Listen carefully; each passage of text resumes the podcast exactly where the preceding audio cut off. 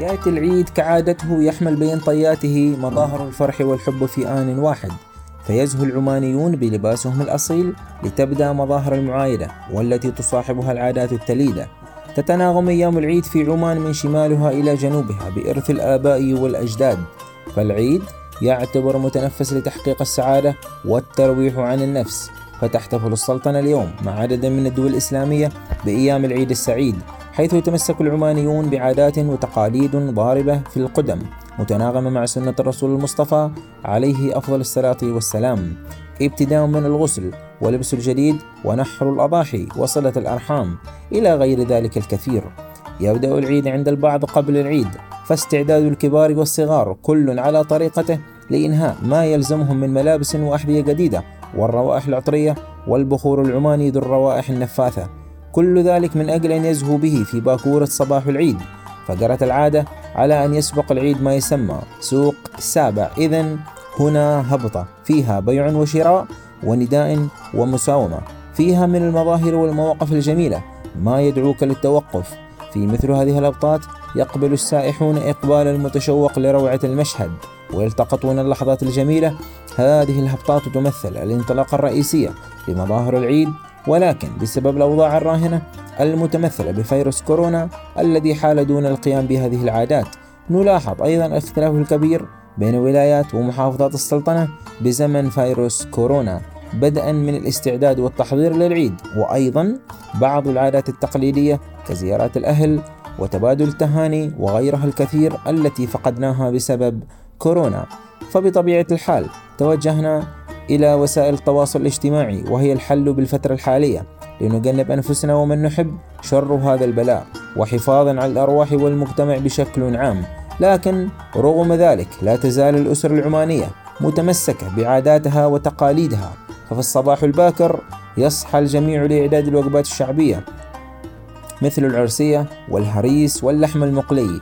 أيضا تتصاعد روائح المخبوزات والمعجنات والحلويات مثل معمول التمر والغريبة والماهو وحلوات النارجيل التي تقدم للزوار إعرابا عن الفرحة واستقبالا لهم.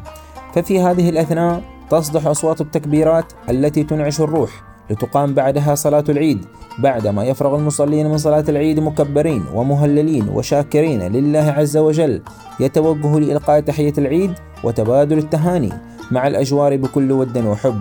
بعدها بعدها يتناول قهوة العيد بما تحويه من أكلات شعبية وفواكه وحلويات. بعد ذلك يعود لمنازلهم للبدء بذبح الأضحيات من ذبح وتقطيع وتحضير اللحم. ثم تدهن بالكركم والملح وتترك لمدة ساعة ثم تبزر بخلطة من التوابل والبهارات العمانية التي عدت خصيصا للشواء العماني. بعد ذلك تلف بورق الموز الأخضر أو الألمنيوم ثم تصف وترتب بالخصفة ويحكم إغلاقها تماما تحضير لرميها بالتنور لمدة يوم كامل. وبذلك تنتهي فترة الأضاحي وتبدأ فترة الزيارات والتجمعات العائلية في الفترة المسائية. وبطبيعة الحال هذه الفترة يسبقها التزين بأبهى الحلل والتعطر بالشذا الطيب الفواح من عطور وبخور وملابس جديدة. بمشهد يوحي بتجدد النشاط وتلاحم الأرواح فتبدأ التهاني والتبريكات بأجواء مملوءة بالسعادة تتخللها القهوة العمانية ووجبة العشاء التي تكون في أغلب الأحيان قبول اللحم. وفي اليوم الثاني يستخرج الشواء لوجبة الغداء وعند البعض ثالث العيد كل حسب رغبته. ومثل ما نعلم جميعا يعتبر الشواء أحد الوجبات الرئيسية بالعيد. أيضا من مظاهر العيد السعيد حضور الأهازيج والفنون التقليدية والموسيقية. ندبات العزوة ورزحة المجد وعازي الفخر وعرض الجمال وركضات الخيل. أيضا هناك ما يسمى بالعيود أو المخرج ويحوي على العديد من الفعاليات والمسابقات كمسابقة الرماية. كل هذه المظاهر المتنوعة والمختلفة تلاقي الرواج والقبول عند المجتمع خصوصا سياح العيد.